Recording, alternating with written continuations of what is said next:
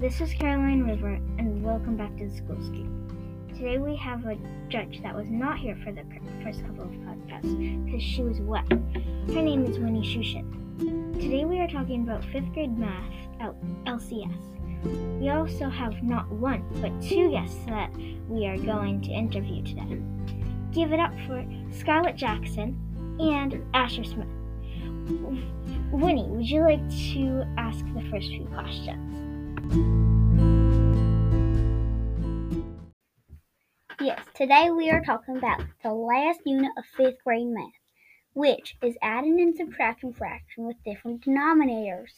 Would you guys like to tell us a bit about what you learned and how you felt about the last unit?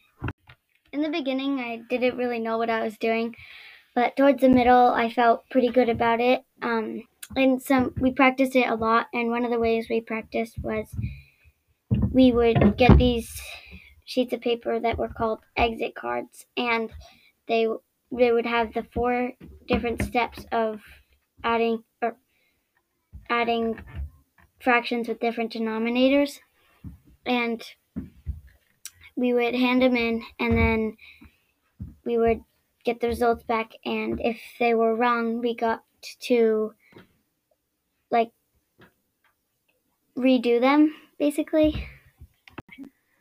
So first I learned about fractions and like adding and subtracting. Um, then we did we did fractions with different denominators and then we started doing harder ones and yeah, it's actually pretty fun. Thank you for sharing. If you don't mind, we do have a couple more questions. That sounds great.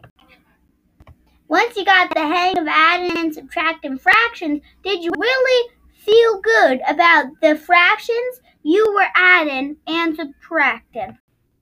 Yeah, I really felt good about it once I got the hang of it. Good. Yeah, I really understood adding and subtracting fractions once I got the hang of it.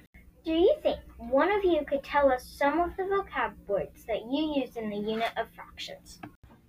Yes, I will share three vocab words. One is a common multiple is a multiple that two or more numbers share. Another word is least common multiple. It is the least multiple that two or more numbers share. The last word is greatest common multiple. It means the greatest factor that two or more numbers share. Can you please define the word fraction? The definition of a fraction is a small or tiny proportion of something. Thank you, Scarlett and Asher, for letting us interview you. That's it for this episode. Thank you for listening. Bye. See you on the next episode.